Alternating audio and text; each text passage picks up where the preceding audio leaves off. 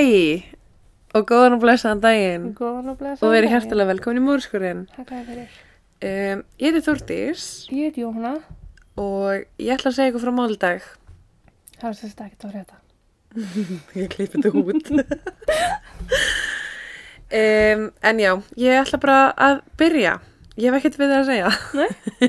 Það er svo leys. Um, 66 ára George og 59 ára Edith Bentley voru að gera sig klár fyrir ferðalag en planin var að fara í útilegu í Velsgrei héraskarðin sem er tæpa 120 km frá British Columbia í Kanada. Hefur heyrt um þetta? Nei. Wellsgrey er risastór og vaksin grósku miklum gróðuri. Það er mikið fugglalíf á svæðinu og endalausar afþreyingar í bóði. Svo sem hestaferðir, flúðarsiglingar, veiðar og býr garðurinn einnig upp á leiðsögn með sögu staðarins þar sem hægt er að læra um fyrstu veiðimennina og náttúruöflin sem framkölluðu mörg eldfjöll, fossa og jökla í Wellsgrey. Var mín og Wikipedia. Nei, reyndar ekki. Það er ekkit um þetta á Wikipedia. Nei, ok. Nefna svona svona. Já. Eh, Þetta er sem sagt eh, risastórt Já. Og hérna, Þetta var bara svo grein og góð lýsing á garðinum, átti ég við. já, það er þetta rétt, ég hef aldrei verið svona formleg. Um, en já, þetta er sem sagt bara, Velsgrei er, eins og ég segi, það er risastórt svæði, um, það er þetta að fara á tjálta þarna og það er ekkert eitthvað bara eitt tjaldsvæði, heldur þetta eru bara, þú veist, 12 tjaldsvæði út um allan skógin. Já, Þetta ok. er bara, þetta er humongous. Já. Uh, já, ég þurfti bara að koma því frá mér svona Já. til að byrja með George var hjálpsamur og vinalegur en einnig mjög félagsfælinn og þótti ekkit skemmtilegt að vera umkryttu mikið af fólki þannig að hann vildi helst bara vera að fara í friðsæla útilegu með konunu sinni Já. Hún var hins vegar anstæðan, meira félagslind og með skemmtilegan húmor, átti auðvilt með að vera í kringu fólk og að kynnast nýju fólki. Eh, Þremur árum áður en þetta ferðalag eh, hafði George þurft að hætta í vinnunni út af vandamáli með hjarta hans. Ok. Svo þau hjónin ákveða að nýta lífi til fulls og gera eitthvað fjölbreytara. Já. Þau keiftu sér Ford pallbíl með pallhísi og leiðu út húsi sitt. Þau ferðust mikið og skoðuðu margar staði en á milli þess hugsuðu þau um barnaböndin sín. Ó. Þannig að þau voru eiginlega bara svona á ferðinni allan á sring. Leiðu bara svona pallasvæði Mm. og byggu bara þar, Já. þannig séð. Þegar veturinn kom fóru þau til Arizona til að sækja í hitan, Já. þannig að þau voru bókstallega bara Á flakki. á flakki, já. Já. Og lifðu bara þessu ferðalífi. Já, nomad. Já. Þau elskuðu þennan lífstíl svo mikið að þau ákveðu að selja húsi sitt til þess að kaupa almennlegt hjólísi til þess að búa í allan ásring Ok. og voru í raun bara í því ferli Já. að selja húsi sitt. Þau áttu þrjú börn, Jackie, Sharon og Brian og dóttið þeirra Jackie var 41 ás og gift hinn um 44 ára Bob. Jackie var ljósmyndari og Bob hafði unnið sérst, á samastaðanum í 25 ár samfleitt. Já. Þau voru mjög spennt fyrir komandi ferðalagi og sérstaklega vegna þess að Jackie og fjölskylda hennar höfðu ákveðið að koma með þeim í útileguna. E, það var Jackie og Bob, maðurinn hennar, og tvær dætur þeirra, Janet 13 ára og Karen 11 ára. Þann annan ágúst árið 1982 kom loks að því.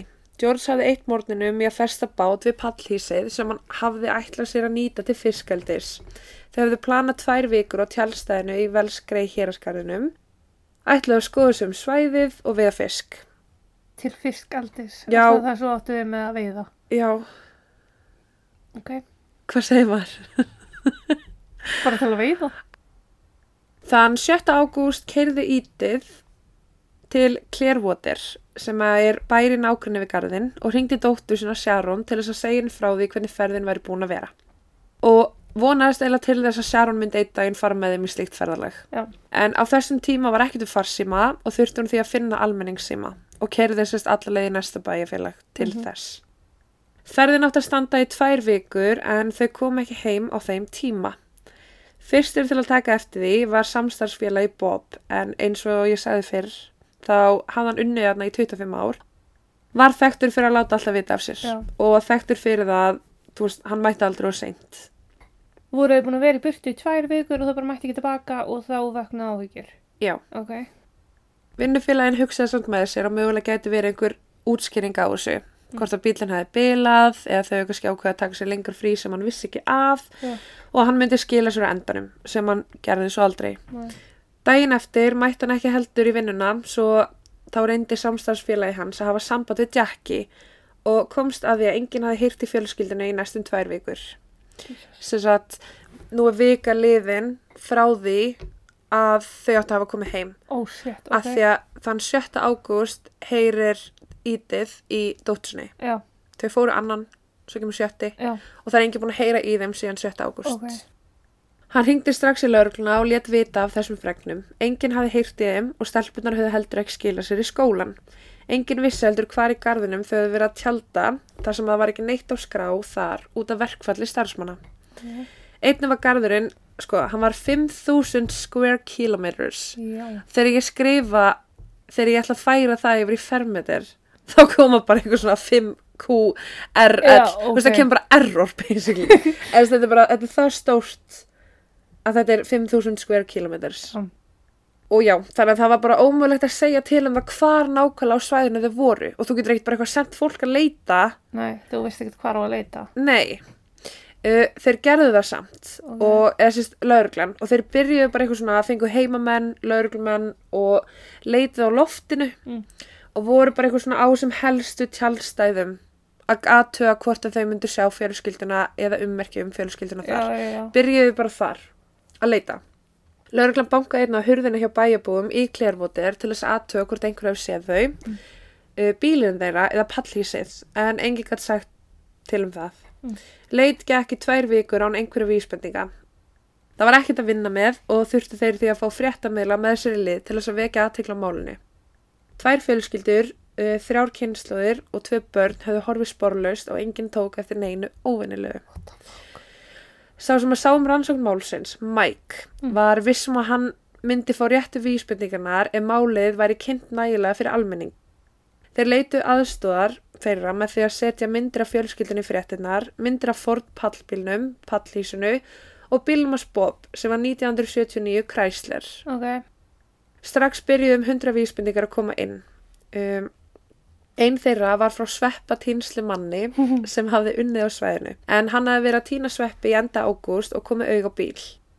Þegar hann kom heim sá hann í fréttunum að þessi bíl var mjög líkur bílnum sem að Bob átti. ok. En það er náttúrulega að hann er þarna á þessu svæði, hann sér ekkert sjónvarpi strax og er ekkert að fá fréttinnar beint í síma sinn. Nei. Þannig að það líður alveg smá tími frá því að hann sér bílinn og þar til að hann getur haft samband við já. Hann talaði við laurugluna og sagði um staðsendinguna en það var á afskektu svæði í garðinum þar sem einungis hestar og jeppar gáttu keirt. Já. Það var erfitt fyrir laurugluna að finna bílinn og þá sérstaklega sjá hann frá götunni en það var hann vel falinn bak við tré og kjarr. Eina sem leiti laurugla rétt að staðnum voru hjólfur sem að sáust í moldinni. Ok, Augljóst var að bílinn hefði ekki getað keirt lengra en það var svo mikið í vegi fyrir honum. Þú veist að það var bara eins og bílinn hafi keirt á tré. ah, ok, Þú veist, hann var bara fastur. Hann hefði getað komist lengra ok. niður. Það var svo mikið kjarr og eitthvað. Búið var að brennandi kaldra kóla og ljóst var að nota var einhvers konar gas eða vökva til þess að íta undir eldin. ok, Það hefði tekið mjög langa tíma að finna nákvæmlega út hver ætti hennar bíl ef ekki hefði verið fyrir það að bílnúmeraplatan var ennþá áförst og nánast óskemmt. what? Það var því fljótlega staðfest að um var að ræða bílina spóp. Hver eru líkurnar? Engar. Littlar allavega, já. Ökumannshurðin var opin og lauruglu þjótt skoðaði inn í bílinn. Það sem þau sá í aftursætinu var mikið af ösku og brend bein Úff. á samt einni hauskúpu. Mm. Þau voru ekki vissum hvort þetta væri marga manneskjur eða bara ein, en það var bara ein hauskúpa Já, og voru heldur ekki vissur um hver, hverjum þessi bein tilherði. Askan í aftursætinu var það lítil um sig að hún hefði komist vel í lítinn plastpoka. Í skottun á bílnum voru líklandir enn í skráugatinu og þegar lauruglan opnaði skotti kom hún auga á einhvern mestar hrylling sem að þeir höfðu á æfisinni séð. Það voru tvær barnahauskúpur sem að lágu í aftursætinu og ljóst var að, það, að börnin hefðu einni brunnið inni í bílnum. Lauruglan hugsaði með sér að það gæti ekki verið að þau hafa verið á lífi þegar bílinn brann en það var það mjög óvinnileg staðsending fyrir fólk að vera í í bílnum Já, sagt, það voru bein af fjórum manneskjum sem að fundust í aftursæti bílsins. Af hverju ætti fjórar manneskjur að tróða sér í aftursæti bíl? já, og tvær í skottinu. Þannig að þetta voru alltaf sex. Amma, afi, mamma, pappi, stelpunar. Já. Í höfukúpunni sem fannst í aftursætinu fundur skotsár. Mm. Uh, þau leituðu um hverju spílinn og í nágrann hans í vonum að finna skotilgin en ekkert fannst og voru þeir því vissir um að fólkið hafi ekki verið skoti á þessu svæði heldur að það sé annar morðvettvangur. Mm Þannig að þeir í raun eru vissir um að fólki hafi ekki brunnið inni Mm. vegna þess hvar þau voru Já, já, já. og þar að leiðandi Dempað bílunum og líkin inn í og, og kveikt í. já. Bílinn var tekin í burtu og sendið til tæknidelda lauruglu í Vancouver til þess að fá staðfyrstöku á því hverjum þessi bein tilhyrðu. Það tók meir en tvo mánuði, svo í lók november árið 1982 var bladamannafundur þar sem að lauruglan sagði frá því að tannlæknaskýslur síndu fram á að 13 ára Janet og 11 ára Karen voru í skottinu. Í aftursætinu voru fjóra manneskjur. Bob var auðkendur í gegnum X-ray mynd sem að hann fór í fyrir þremur árum og restinn var bara útilokunar aðferð. Mm Kúlan sem að fannst í einni hauskúpunni var úr 22 kalibera rifli. En í raun var ekki þetta að finna út dánarásök af því þau voru sko gjössalega, þú veist, þetta var bara aska Já, já, sem var eftir. En það var haldið í fram að þau hafa verið skotin. Mm Lauruglan vildi ólm finna manneskjuna eða manneskjurnar sem að höfðu framið hennan hróttalega glæp, finna morðvettvangin og að lokum bílinn hjá eldri hjónunum og pallhísið þeirra. Þau settin myndir af bílnum og pallhísinu í vonum að það myndi vekja minningu fólks. Þau fengu meðal annars símtal frá konu sem sagðist að hafa séð þennan sama bíl og pallhísið þann 24. ágúst á veitingastað. Viku eftir að fjölskyldan hefði átt að koma heim. Hún sá tvo menn fara út úr bílnum og setjast niður að borða og talaði um að þeir hefði verið druslulega klættir á þrítúsaldri með hárnir og axlir. Mike myndi eftir því að lauruglan hafi fengið svipaða vísbendingu frá almónum. Hann fór sest, í gegnum vitnarskíslur og sá að það var þjónustustúlka sem hafði séð tvo menn nota sama pallísið og man eftir því að þeir voru að reyna við hana. Ok. Hún sagði að þeir væri frönskumælandi Mm. og lísti þeim einni sem druslulegum. Ok. Quebec. Quebec er bara borg í Kanada. sem allir tala frönsku. Já. Ok. Þannig að þeir voru kannski frá Fraklandi og kannski frá Kanada í Mhm. Quebec. Ég veit það ekki. Nei. Strax var fenginn aðili til þess að teikna skissu af mönnunum og var myndin sett í alla fréttamila á sveðinu. Fleiri vísbendingar komu inn um að tveir frönsku mældi menn, ég skrifa sko frönsku talandi, frönsku mældi menn höfðu verið ráðunir þarna á svæðinu við að höggva tre á sama tíma og fjölskyldan var að tjálta. Ok. Það unni 40 á málinu og voru þau dag og nótt að reyna að púsla saman hvar þessir menn væru niðurkomnir. Önnur vísbending kom inn um að þeir hafi sérst með þessum tiltekna bíl með pallísi keira austur á þjóðveginum og varða ljóst að það myndi taka tíma í að finna þessa menn því þeir voru augljóslega á ferðalagi og gátt í raun verið hvar sem er. Mhm. Þeir fengu síðar aðra vísbendingu frá heimamanni en hann sagðist hafa verið þarna á svæðinu og ekki komist í það að horfa á sjónvarpið fyrir nokkru síðar, svipa á með sveppa Já. tinslumannin, og þá séð myndir af pallhísinu. Hann sagði frá því að hafa verið á svæðinu og séð þennan sama bíl í Old Bear Creek Prison svæðinu í garðinum, sem er sérst bara eitt af þessum svæðum. Já. Þetta eru mörg svæði í þessum garði. Ok. Ég skil ekki hvað fólk er með gott minni. Nei. Ég get ekki sagt þér hvort ég var búin að sjá pallbíl með pallhísi síðustu vikuna, sko. Já, nei, ég, þú veist, ég, ég, neitt, nei, sko. ég er heldur ekki þar, sko. Hann sagði sérst frá því að hann hafi séð þennan bíl í Old Bear Creek Prison s- uh, site Já. í garðinum. Mike fór þangað og grasi var svo vaksið að ómögulegt var að sjá eitthvað. Um, þetta er ekki svona eins og íslenskum tjálstæðum, heldur, þetta er bara skólendi og enn og aftur risa fucking stórt. Já. Eftir gríðamikli leit fann hann lóks svæði þar sem hann sá sex litla trjádrömba umhverjus eldstæði og var vissum að hafa fundið staðinn sem fjölskyldan hefði tjálta á. Hann hafði séð myndir af því hvernig fjölskyldan kom sér fyrir á tjálstæðinu og kannast við að sjá sérst, tvo trjádrömba Mm. á svæðinu sem voru notaðir til að uh, gera pallhísi meira stöðugra. Já, já, já. En þeir voru skildir eftir svo sá sem að tók pallísi og bílinn yfirgaf svæði í hraði. Já. Þannig að hann í raun sá þetta, sá þess að sex stóla sem voru gerður úr Já. og sá síðan þess að drömba sem voru augljóslega notaðir til þess að halda pallísinu uppi Mhm. og það er bara einhvers svona signatur sem að fjölskyldan gerði. Já, já, já. Þannig að hann hugsaði strax með sér, ok, þetta er pottitt svæðið. Leita var á svæðinu og fann lauruglan vísbendingar um að fjölskyldan hafi verið að grilla sigurpúða og, og einni voru bjórar í vatni sem lá þarna við hliðin á til þess að kæla á. Ah. Uh, þeir voru einmitt sömu tegund og uppáhaldsbjórnars Bob. Já. Einni fundu 6 skotilki af 22 kalibera rifli sem passaði við kúluna sem fannst í einni höfukúpunni. Það var hins vegar engin sönnagögn um gerandan, hvorki DNA eða neitt sem var skilið eftir sem gætt varpa ljósi á hver þetta væri. Já. Ljóst var að engin fjölskyldumeðlumur hafi gert þetta en það fundust öll sex líkin í bílnum. Mm Uh, það sem var saknað var báturinn, bílinn, pallhísið, tjöldin þeirra og í raun allt.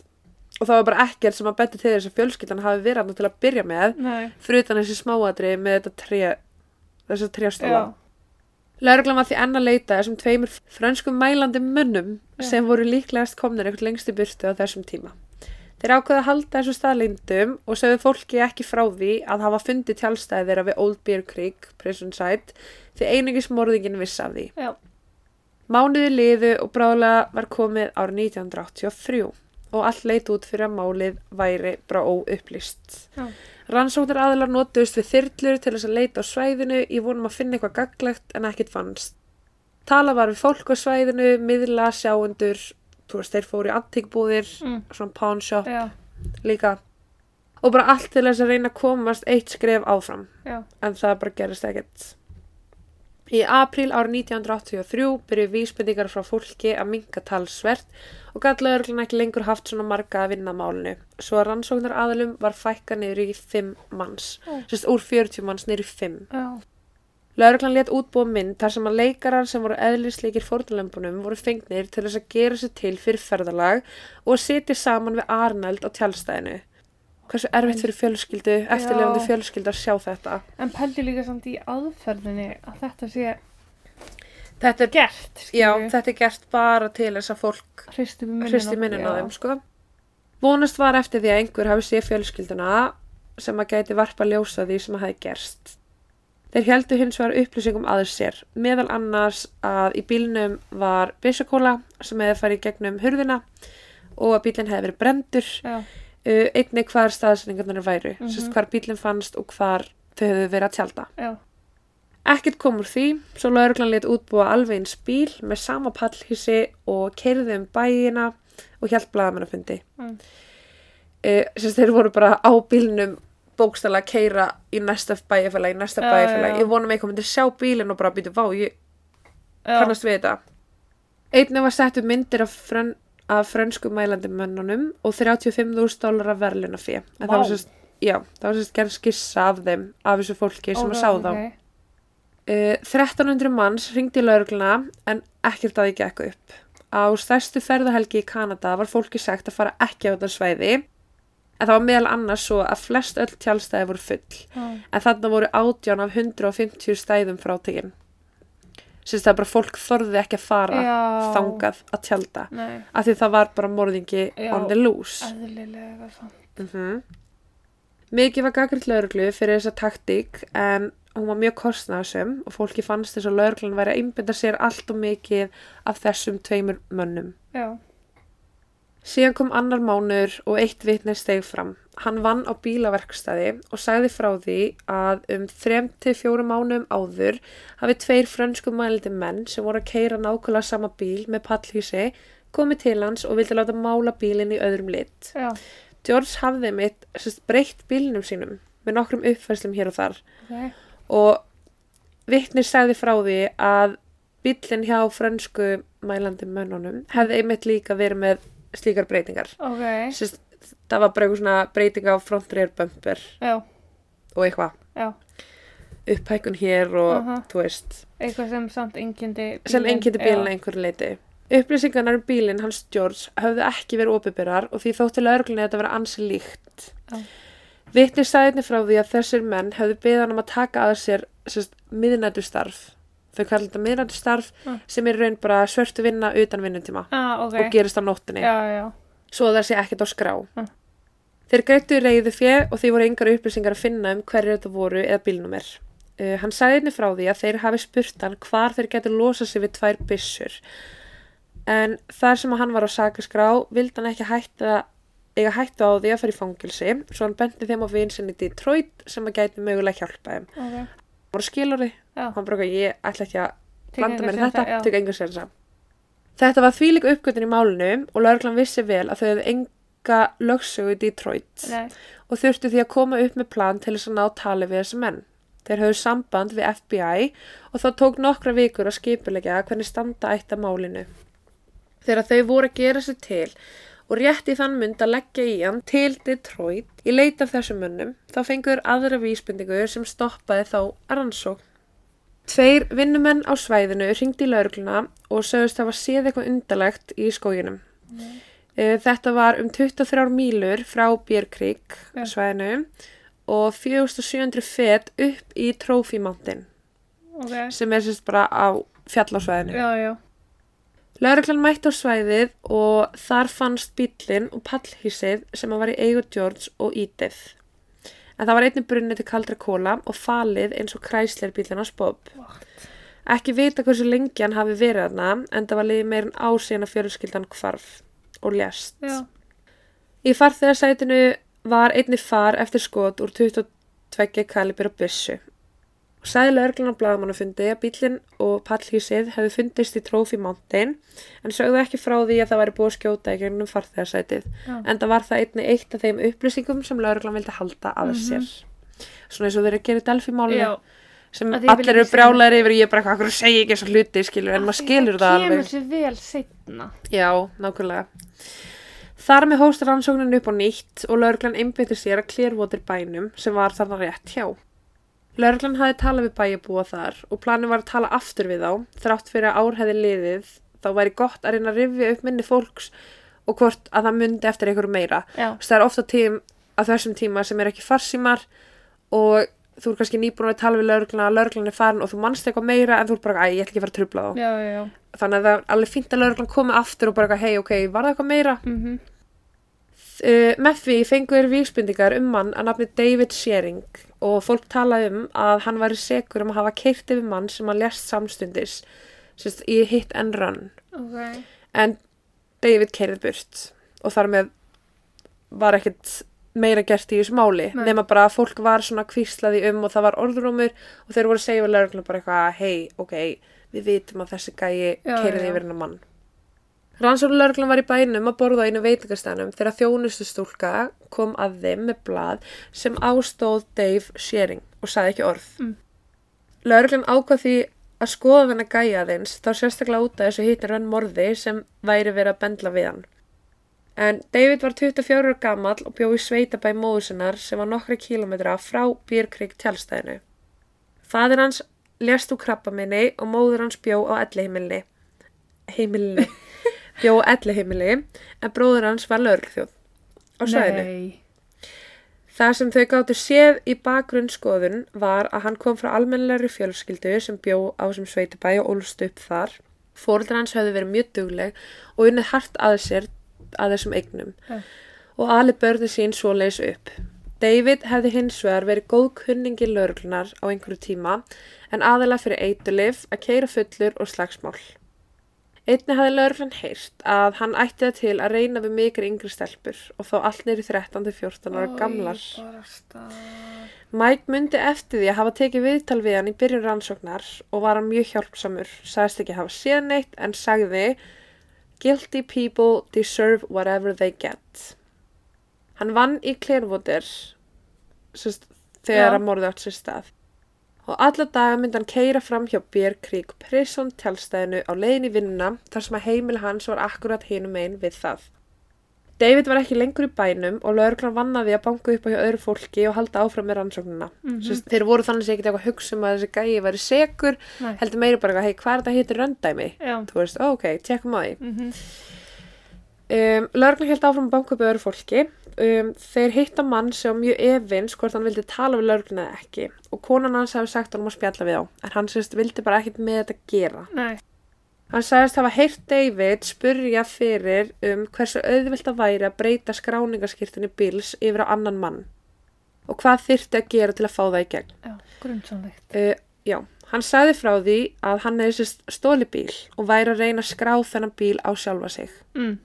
um, og var raun bara að spyrja fólk, þú veist, hvað getur gert. Já. Hann sagði einnig frá því að það hefði verið skot eftir byssukúli í farþegarsætinu en það var eitthvað sem eng engin vissi nema lauruglan. Ömmit. Þetta var því stóru uppgötun og allt bendi til þess að David vissi eitthvað sem lauruglan langaði virkilega að heyra um. Mm -hmm. Þeir byggust við að hegðun viðkomandi aðila sem hefði myrt sex manns myndi breytast verulega og spurðu hvort einhver hefði tekið eftir slíkri breytingu en það var enginn sem að tóka eftir slíku. Jafnvel fólk sem þekkti til David sagði að engin breyting hefði verið á honum, hann var bara að sósialæsa við fólk, tjama með vinninsunum.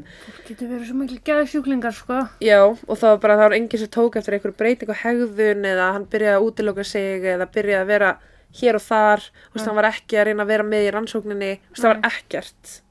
Þannig að lauruglu fannst það alveg mjög spes. Mm -hmm. Lauruglan rækti David alla leið í Tumbler Ridge sem var um 800 km norður af Clearwater. Ja. 800 km, þetta er bara svo hér um tjúbúa, Aha. sko. Tveimur mánum áður hafði hann verið handtekinn fyrir að stela tækjum og tólum að andveri 14.000 dollara og var sleppt gegn tryggingu en mátti ekki yfirgefa bæinn fyrir en eftir réttarhöld. Sérst það átti eftir að rétta yfir já. Lauruglan náði tala af honum tveimur dögum fyrir réttarhöldin og baða hann um að koma til sín niður á lauruglustöð og hjálpa sér með rannsókn málsins. Hann var spurður um fjölskylduna sína og bakgrunn.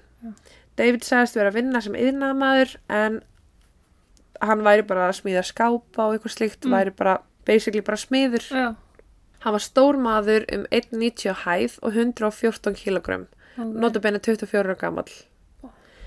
Og var hann kallaður tankurinn. hann var með brúnt skegg og augljóst var að hann hafi brotið nefið sitt alveg nokkru sinnum, líklegast í einhverjum af þessum slagsmálum sem hann hefði lendið í gegnum tíðina. Já. Hann var bara með cricket nose, basically. Hann var spurður hvers vegna hann væri að fara fyrir dóm og hann sagðist ekki eiga mikla peninga og hafi því stólið þessum tólum. Hann sagði að það væri heimskulegt og kendi fólkinu sem hann hjekk með um að hafa komið honum af spórinu.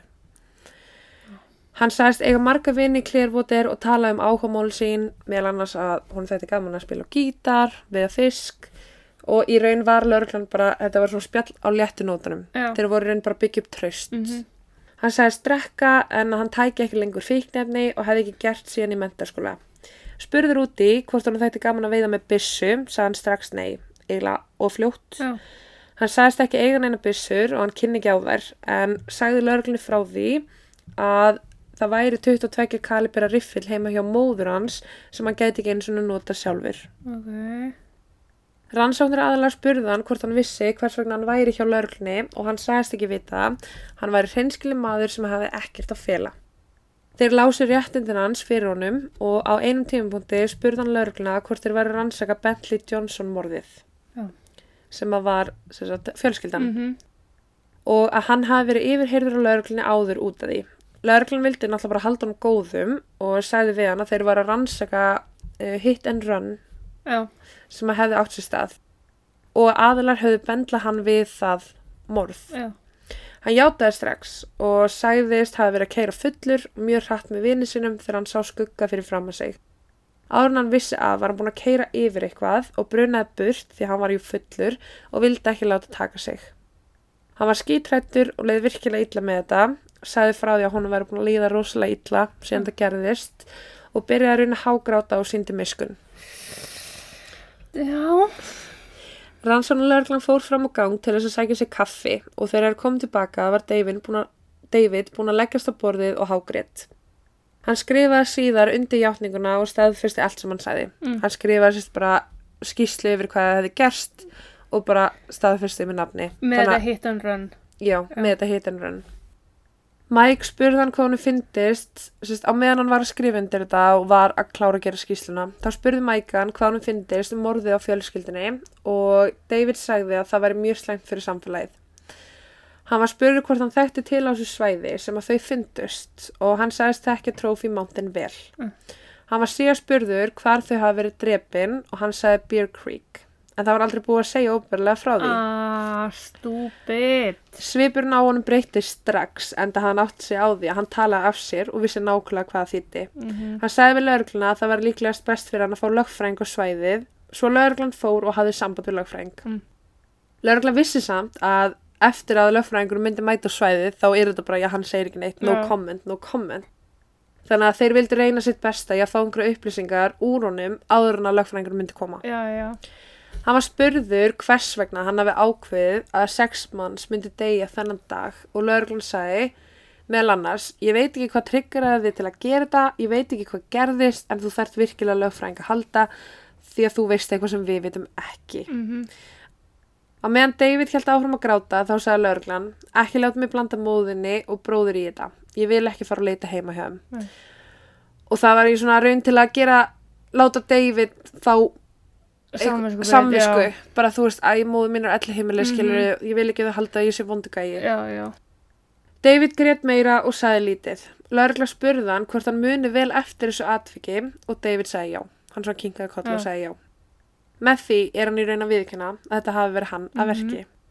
En lögregla vildi fá að vita hvers vegna. David sagði að byssan væri heima hjá móður hans og gerði kort af staðsendingunni hvar bílarnir voru og hvar morðvettvangurinn var.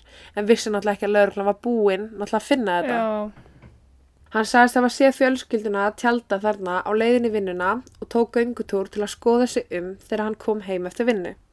Hann faldi sig í runnum á svæðinu, í runna á svæðinu og fannst eins og einum tímapunkti hafa fjölskyldan séðan. Svo hann hljópurt en tók eftir því að það var náttúrulega bara enginn sem sá hann. já, já. Hann bjóst bara við einhvern myndi elda sig. Mm. Hann fór því heim og næst, næstu nótt fór hann aftur út á sama stað og vissi nákvæmlega hvernig hann ætti að fara ánga. Hann lagðist niður bak við pallísið og byrjaði að skjóta þau hvert og fætur öðru. Fjóri kvellir og fjóri manns voru látnir. Hann var svo nálægt þeim að það þyrfti ekki nema eina kúl í hvern aðila. Áður að fjölskyldan gætt átta sig á því hvaðan skotin komið voru þau öll látin. Í tjaldinu við hliðin á tjaldstæðinu, þar sem að fullorna fólki satt og fekk sér bjór, voru Janet og Karen sofandi og hann sagðist að það var skotið þær líka. Mm. Dró síðan öll líkin inn í bíl, fór úr tjaldsvæði og tók allt sem hann langaði að eiga, tók niður tjöldin og reyndi að skilja engin ummerki eftir fjölskylduna á þessu svæði. Hann kerði bílinn með líkanum burt og í raun bara kerði þar til hann festist. Hann tók síðan gas og heldi bæði inn í bílinn og utan á hann og kveikti bílinnum og hann sprakk. Mm. Hann horfði á bílinn í eitthvað tíma, brenna, með líkonum inni Sjúkli. og fór svo til sín. Og Eftir ein... bara á kottan og fór að sofa og að var með lífið. Örglega, fór Já. bara að hlusta á mórskurinn og bara að njóta lífsinn, sko. Eftir einhverja daga fór hann og sótti pallísi og pallbílinn og kerði það í Trophy Mountain en hann festist svo hann skildi það eftir og kveikti því líka. Mm. Hann játaði morðið á þeim en lauruglan var ekki viss með þennan ásetning og þessa ástæði fyrir Mhm. morðinu að drepa sex manna fjölskyldi fyrir hvað? Tjald, ketil og hnífapur. Akkurat. Þú veist, hvað er fólk með þessari útilegu Já. sem er verðmætt? Ekki neitt. ekki neitt en hann semst vildi meina að hann hefði viljað fá tjaldið og allt þetta drasl Já. og það hefur ástæðan hann síndi miskun en hverjum er ekki skýt saman það Já, þú veist það er búið auðvelt að feika miskun og eftirsjá, sko. mm líka bara ef þú ef þú serði eftir þessu, farið til lauruglu Já, láttu vita hvað þú gerðir akkurat. Hann var ákjörður sexinum fyrir morð af annari gráðu en ákjörðvaldið vildi fá morð af fyrstu gráðu en það var ekki að sanna það að hann hafi planað verknaðin einhver áður Sérst, það þarf að vera beinn ásetningur og sérst bara plönun og allt til að að þetta hafi átt að geras, gerast. Eftir að hann var ákjörður komu myndir á honum og að allir vildu vita hvaða skrimsli þetta væri. Það var ekkit úr barnæsku hans eða við fóreldra hans sem að leiti til þess að hann myndi leiðast út í eitthvað svona. Nei. Það var ekkit við neitt að sakast og í raun engin ástæða baki þessu. Honum gekk einnig vel í skóla, var næst hæstur í sínum bekk. Fadir hans lést í mars árið 1982, fimm mánuðum fyrir verknæðin og margir halda að það sé ástæðan fyrir því að hann fekk bara stundabrjálæði að sjá svona hamingju sama fjölskyldu saman einhver staðar þegar hann gæti ekki notið þess að vera með sinni eigin af því að fadir hans var nýtt dáin. Mm. Heima hjá honum fannst svo byssan, myndavelnan á Jackie, föt af fjölskyldinni, Volkmann sem að Janet og Karen áttu og allskinn stót sem að hefði verið í eigu fjölskyldunar. Mm. Eftir 14 mánuða rannsókn var henni loksist lokið og samtals 13.000 vísbendingar sem lögreglan þurfti að vinna sig í gegnum. Já, Og sko áttum okkur á því að það voru þess tíma sem að voru ekki samfélagsmiðlar akkurat. og það voru ekki farsímar og Nei. flest allt var handskrifað. Akkurat. þannig að þetta er bara, þetta er utan fárálega haldi líka 50 mann, það er ekki Mhm. þessi sé með samanlegt Google Sheet, sko. einmitt og geta bara, þú veist, farið og leita það er allt hann skrifað í Já. möppum Mike heimsótti hann í fangilsið og spurði hvort hann væri tilbúin til þess að segja honum hvers vegna hann gerði það Já, en David sagði að það væri ekki komin tími alveg strax what? Þann 16. apríl árið 1984 uh, var síðan 25 ára David Shearing dæmdur en hann játaði á sig þessi morð. Ok, Hann sérst bara pled guilty já, já, og hann sagði að það væri svo fjölskylda Bentley og Johnson hjónana og fjölskyldan hans myndi ekki þurfa að ganga í gennum réttarhöld og þurfa að sjá allar upplýsingar Mhm. um hvað þið gengið á. Hann var ekki fullur þegar þetta gerðist og ekki á neinum livðjum. Lögfræðingarna hans sögðu að hann hafi breyst eftir að faðan hans lést og bað um refsilækun vegna þess að hann hafi verið samvinnu þýr og vegna þess að hann var bara 23 ára þegar þetta já, gerðist. já, já. Dómarinn sagði hins vegar að sex manns mistu lífið þennan dag fyrir ekki neitt. Það er með tvö börn. Mm Þau gerðu honum ekkert, það var engin reyfrildri þeirra á milli, heldur var þetta bara cold-blooded, senseless execution. Já, David fekk hámarks refsingu sem hefur verið gefin í Kanada á þessum tíma en hann fekk lífstegafangilsi með möguleika á reynslu laust eftir 25 ár já, sem þýtti árið 2008 gæti hann reynd að fá slikt í gegn. mm. Lögfræðingun hans ákvaða áfrýja ekki dómnum.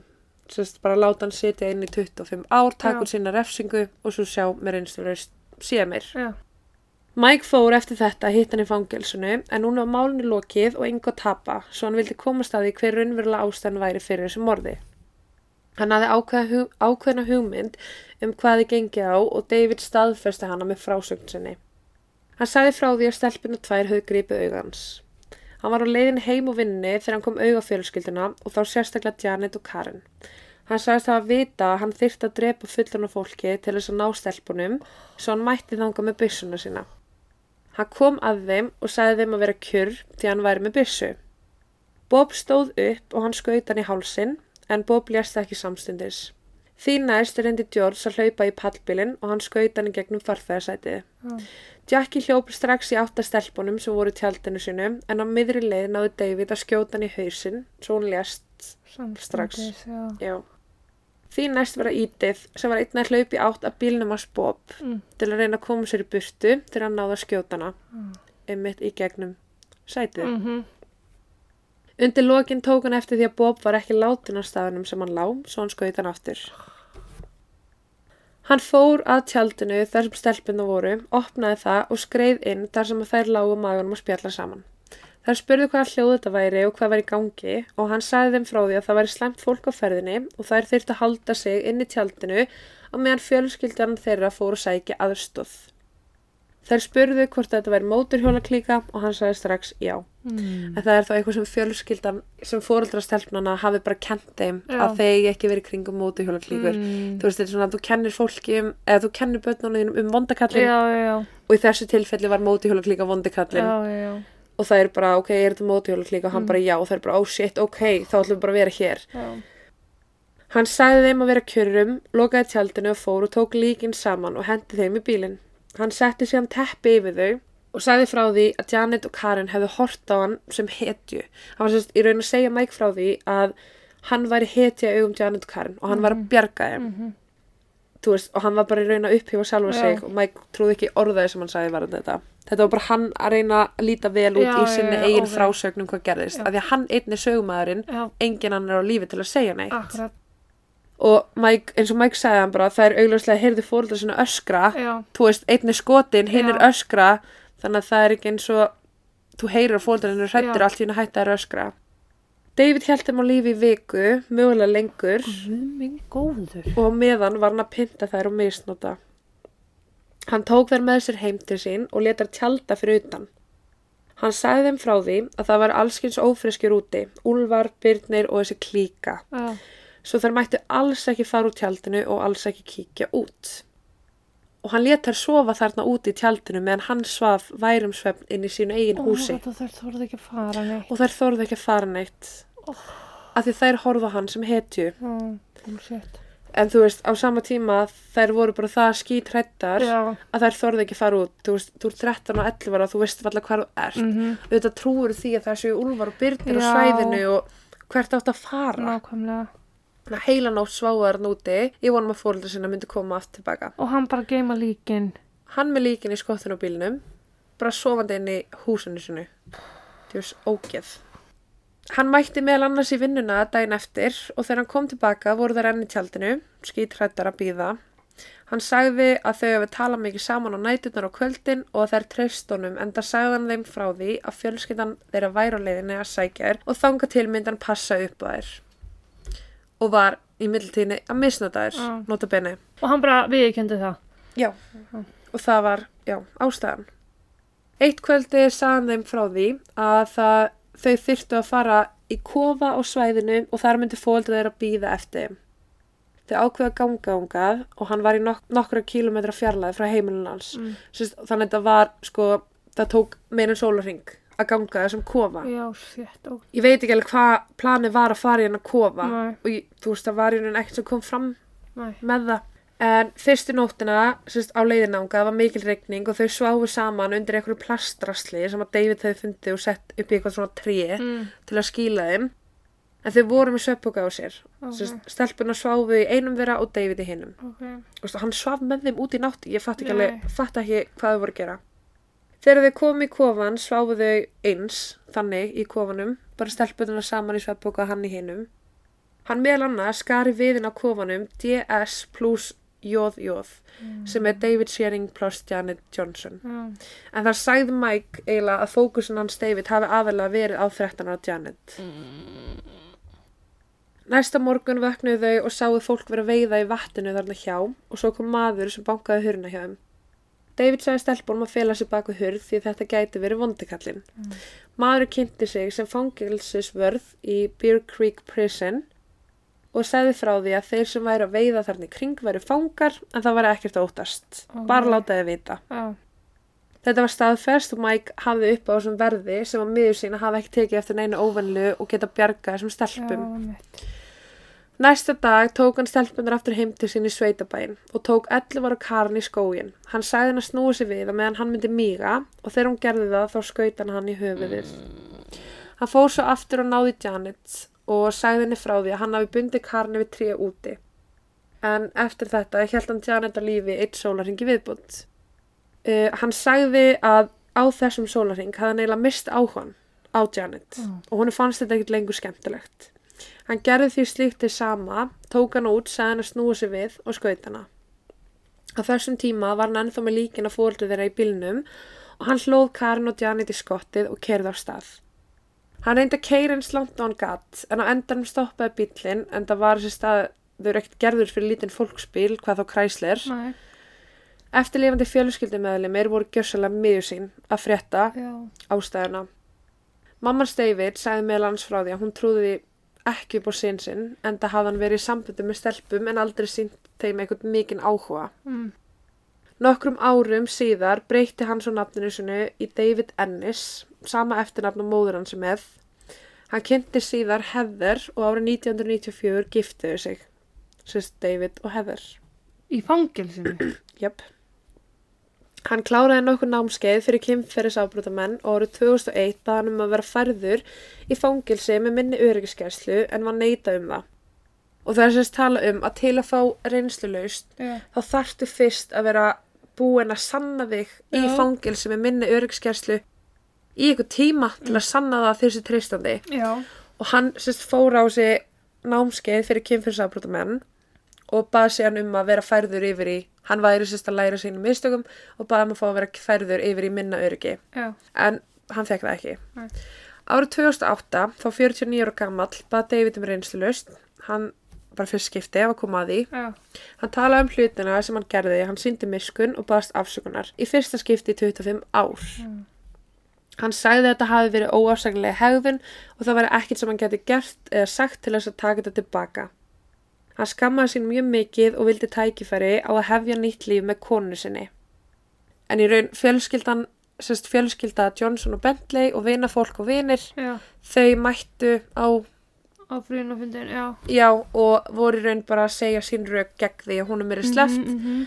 og sögðu meðal annars bara hei félagi þú er búin að hafa 25 ár til að segja fyrirgjöðu Já, og dagurinn í dag sem þú getur fengið reynslust Já. þá kemur þú að segja fyrirgjöðu akkurat. En hvað með alla hina dagana Aha. í þessu 25 ár?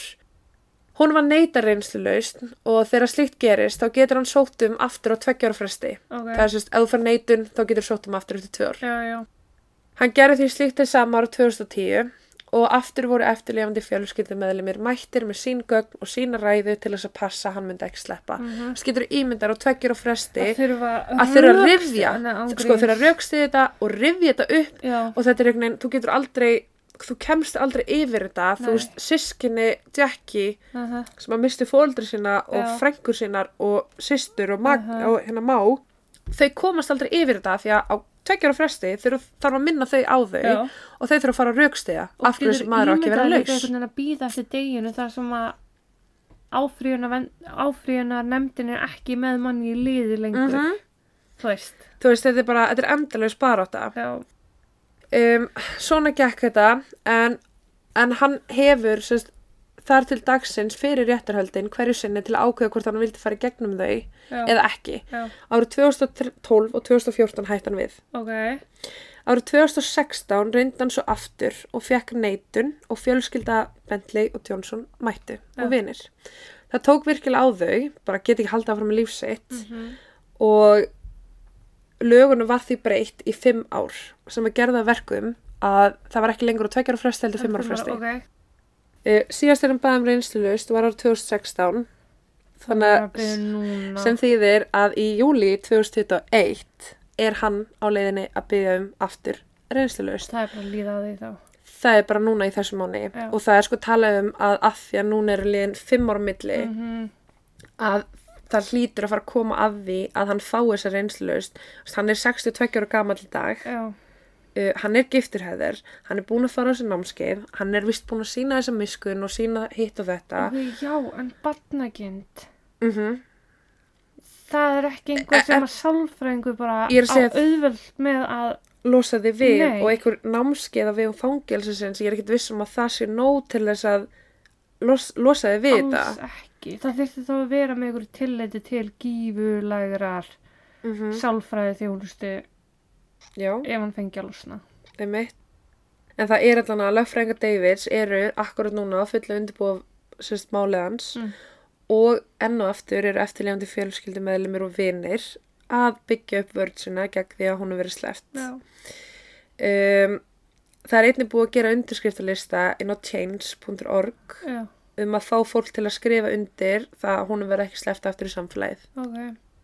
og Ég- það eru mjög margir búin að skrifa þar undir og ég sá til dæmis eins og Crime Junkie var að setja út þátt í gær Mm. þar sem að þau voru með svo undirskriftalista Já. um að fá sérst, réttlæti fyrir einhverju stelpu Já, og það eru 70.000 manns búin að skrifa undir eftir að Crime Junkie setti þetta í já.